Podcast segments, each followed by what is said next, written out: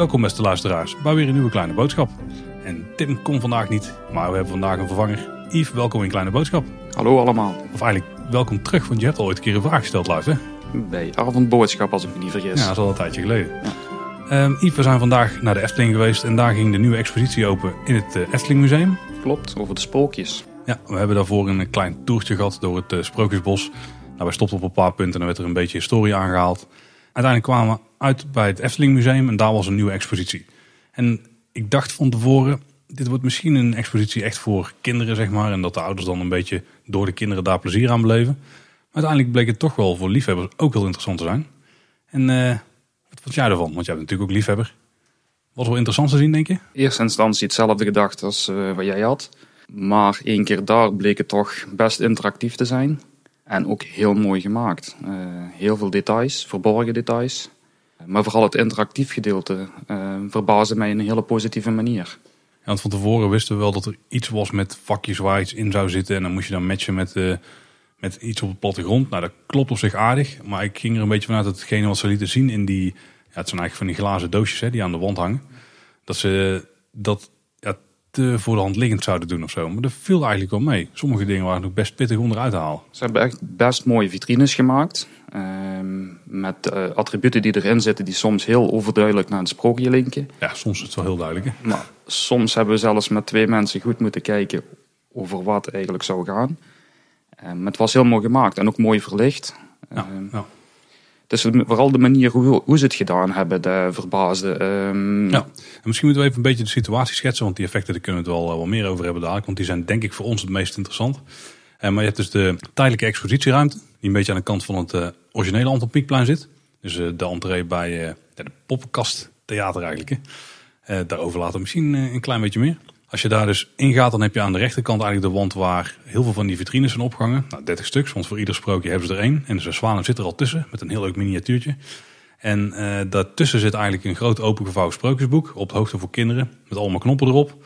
En dan in het boek zie je het plattegrond van het sprookjesbos. En daar zit uh, ja, rode icoontje bij, in knopvorm. En dan kun je op drukken en dan daarmee kun je dus kiezen om welk sprookje jij denkt dat het gaat. Dan komen die icoontjes op die knoppen komen nu dus ook voor in de sprookjesboeken in het Sprookjesbos. Dat hebben we gezien toen we ook door het Sprookjesbos liepen vanochtend. Er zit eigenlijk onderaan de Sprookjesboeken zitten nu ja, een soort rode linten met een soort embleem in het midden. En daar staat dan het icoon op. En dan verwijst ook naar van, uh, dit kun je, kun je in het Efteling Museum iets mee doen volgens mij. Een soort manier om mensen die kant op te trekken. En boven het boek zit een soort boekenkast. Maar je zal redelijk snel zien dat daar een soort scherm, videoscherm in zit. En daar staan dan sprookjesboeken in. Uh, ik weet niet of dat het, dat het er 30 zijn, maar volgens mij komt er steeds een ander boek naar voren als je het juiste sprookje hebt gekozen. Ja, volgens mij was het telkens het rode middelste Ja, wel hè? Ja, ja. toch oké. Okay. Nou, dat boek komt dan naar voren en dan uh, de sprookjesprokkelaar die komt een beetje achter die kast zo vandaan lopen met de projectie. En die loopt er uiteindelijk ook weer weg, of die verdwijnt. En uh, wat wel heel tof is, eerst ligt er dus een van die kastjes op. En dan moet je dus kiezen op het plattegrond welk sprookje het is. Nou, als je het fout hebt inderdaad, dan wordt er, word je enigszins gecorrigeerd. En als je het goed hebt, dan krijg je van ieder sprookje, dus van alle 30, krijg je, ja, dan, dan, dan komt het boek komt eruit en dan klapt open. En op die pagina's verschijnen dan bijvoorbeeld foto's van een sprookje in huidige staat. Maar veel interessanter voor ons. Bouwfoto's. Ja, originele bouwfoto's of gewoon bouwfoto's. En ook schetsen van, uh, van ontwerpschetsen, maar ook uh, technische schetsen. Ik zag bijvoorbeeld bij Rapunzel een doorsnede van de, de toren vanaf de zijkant. Met uh, hoe de ladders aan de binnenkant zitten en zo. Okay. Dat zijn tekeningen die ik in ieder geval nog niet eerder heb gezien. Ik ook nog nooit. Dus uh, die zitten er zeker wat tussen. Daar werd ook bevestigd dat ze wel oud materiaal tevoorschijn hebben getoverd en dat erin hebben verwerkt. Zodat het niet alleen voor de kinderen leuk is om te spelen, maar voor degene die staat te kijken, dat hij ook steeds wel ja, dingen te zien krijgt die we eigenlijk nog niet eerder hebben gezien. Nou, ze houden het ook lekker kort. Uh, als je het juist hebt en het boek komt tevoorschijn. Ik denk dat die hele situatie 20 secondjes, 30 seconden duurt. Ja, ik denk dat het boek wat openklapt en de tekening die je ziet, dat is 5 seconden per pagina. En je ziet er drie, dus ongeveer 15 seconden. Dus het houdt het heel, heel vlot, heel interactief. Ja. En wat ik ook moet zeggen is dat de animaties van uh, wat je op het scherm ziet, zag er ook echt heel goed uit. Ja. Gewoon, ik zou het niet, niet des Eftelings durven noemen, maar het ziet er gewoon echt goed uit. Dus het klopt, het klopt helemaal.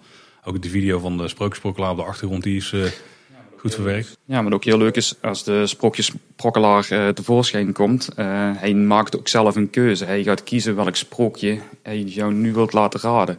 En dat doet hij ook op een hele leuke manier. Ehm, al bedenkend dat je zelf naar de vitrines zit te kijken.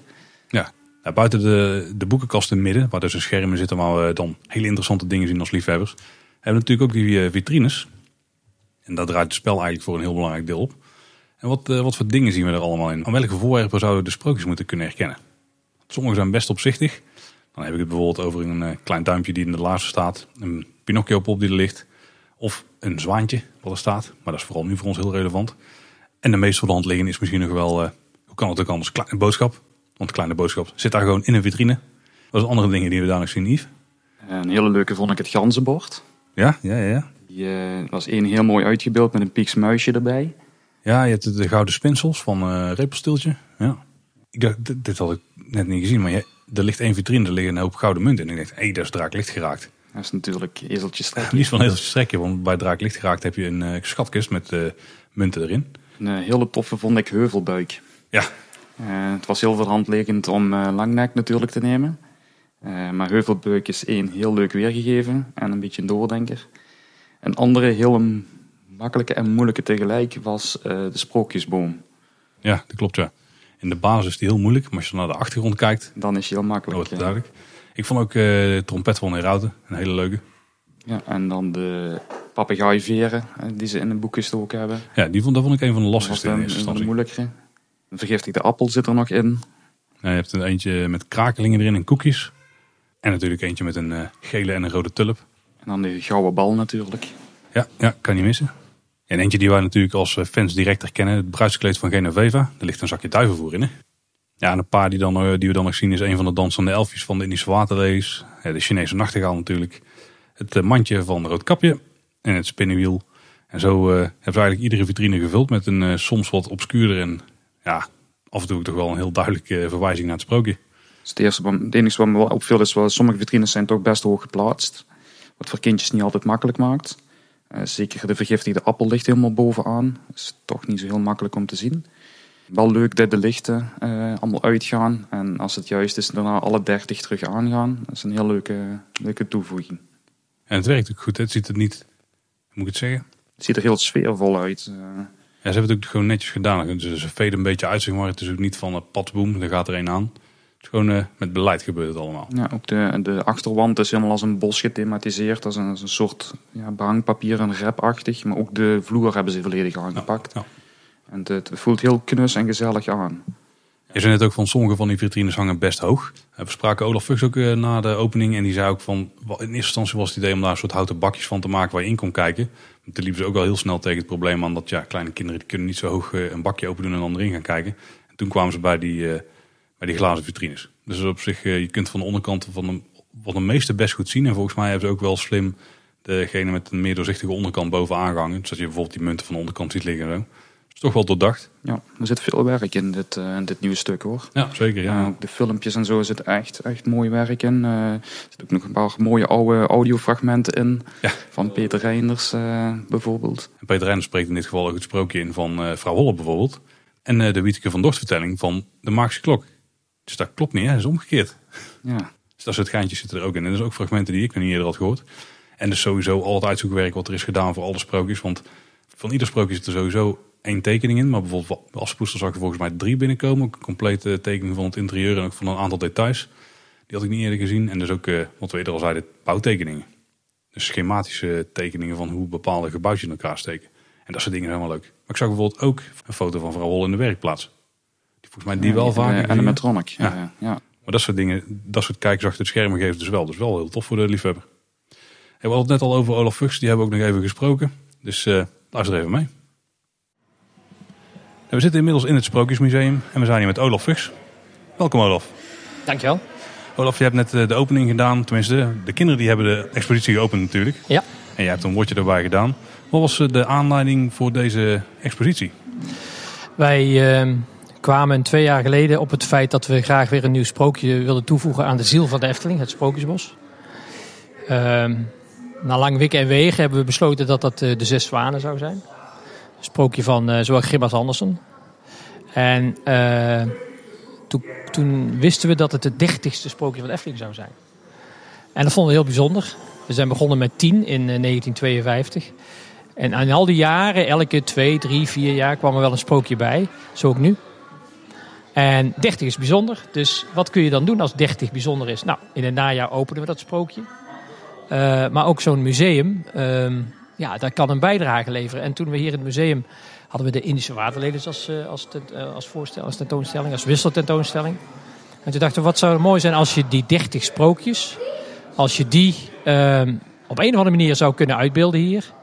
Uh, waar kinderen dus ook een voorwerp uit dat sprookje in een glazen kistje, zoals je, we kijken nu op de wand. En dat ligt dan op en dan moet je raaien van welk sprookje is het. Ja, en het is niet zo makkelijk. Het is best wel even denken en moeilijk. Als je dat dan combineert met het Sprookjesbos zelf, waar heel veel, waar de sprookjes staan en de sprookjesboeken zijn, dan zie je daar op de sprookjesboeken nu een symbool. En dat symbool vertegenwoordigt dus hier in het museum het sprookje wat je, wat je dan moet aanraden. Dan heb je een hele grote plattegrond in een groot boek, hè, waar we op af, uitkijken nu. En dat grote boek zit vol met knoppen. En dan moet je raden welk voorwerp past er dan bij het sprookje. Eh, dan weten de kinderen meer van het sprookje. Ouders eh, vertellen dat. Een interactiviteit, waardoor kinderen, families met kinderen, zowel het sprookjes bezoeken als ook hier eh, bezoeken. En ze kwamen, vind ik, eh, te weinig in het eh, museum. Nou, je hoort nu al eh, kindergeluiden om ons heen. omdat kinderen het heel leuk vinden, interactiviteit. Ja. ja. we zagen net ook heel fanatiek een paar kinderen al aan de gang met het boek. En volgens mij was het heel erg naar hun zin. Ja, dat is ook bedoeling. Er zitten ook opa's en oma's nu binnenkomen. Ja, en uh, los van de ontwerpen die we hier zien, hè, de vele tekeningen om ons heen. En, en, en de vele lawaai nu, hè, vanwege het feit dat iedereen weet, oh het is open. Veel abonnementhouders komen nu. Hier zie je ook een, moeder met haar dochter. Ja, en dat, dat vinden we fijn, dat die ook het museum zien. En de pracht van vroeger en nu. En toen ik voor het eerst hoorde van deze expositie, toen dacht ik van, ah, dit is heel erg gericht op ouders met kinderen. Want die kunnen dan, uh, vooral die interactiviteit, hebben ze best wel een leuke ervaring. Ik ga daar zelf ook even spelen, denk ik. Maar als ik een beetje goed rondkijk, ook naar de objecten die jullie hebben gekozen om de verschillende sprookjes uit te beelden. Maar ook zeker met de tekeningen en de audio die voorbij komt bij het boek zelf voor de liefhebbers is hier ook genoeg te beleven. Nou ja, dat, dat, dat, dat was juist de bedoeling. Kijk, je moet niet alleen iets maken voor uh, families met kinderen. Je moet zorgen dat, ook in een museum, ook in een, in een attractie of een sprookje, dat iedereen daar lol aan beleeft. En we hebben heel veel uh, prachtige voorwerpen uit het archief gehaald. Van de sprookjes, tekeningen van vroeger uit het archief gehaald. En, en, en dat zijn voor vele Efteling-fans, die, die ook naar, naar jullie luisteren. maar ook voor abonnementhouders, ja, is dat wel heel uniek. En het is nog niet zo makkelijk hè, eh, om, om het te raden. Nou, we hebben de wisseltentoonstelling dus. We hebben het sprookje wat het najaar komt. En het najaar zullen we ook komen met het derde sprookjesboek. Mhm. Het groene boek, zoals ze dat noemen. Ja, hij staat hier al een soort van opgesteld. Ja, daar staat, uh, daar staat hier uh, iets van, van in het museum. Waarbij we dus de 30 sprookjes in, een, in, een, in een korte samenvatting zullen we die brengen. En, en nog wat andere zaken. En er zullen ook tekeningen en dingen in komen. Tekeningen met name die, die nog nooit eerder gebruikt zijn. En ja, laat, laat iedereen die van de Efteling houdt en die Efteling mooi vindt, laat die meegenieten van ja, de historie die we hebben. En dat uh, proberen we in de wisseltentoonstelling. Dat proberen we met het 30ste sprookje en de 29 andere sprookjes. En dat proberen we met het boek. En dat als geheel brengen we dan als eerbetoon aan, uh, aan 1952, toen alles begonnen is. Ja.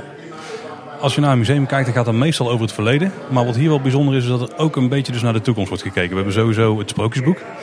Maar er staat ook een maquette van de zes zwanen. En een van de zwanen staat in een van de vitrinetjes. Ja, ja maar uh, uh, de, geen, geen toekomst zonder geschiedenis.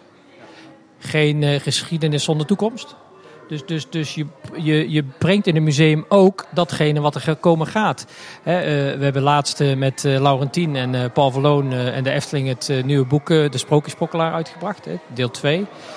En die titel begint, misschien weet je dat. Er was eens. Niet er was eens. Ah. Ooit is er. Ah, en ooit is er. En hebben heel veel mensen uh, met de sprookjesschrijfwedstrijd meegedaan. En die verzonnen dus ooit is er. Nou, het museum Ooit is er. En, en, en dat zie je bij het 30ste sprookje. Wordt hier al aangekondigd. In het najaar is het er pas.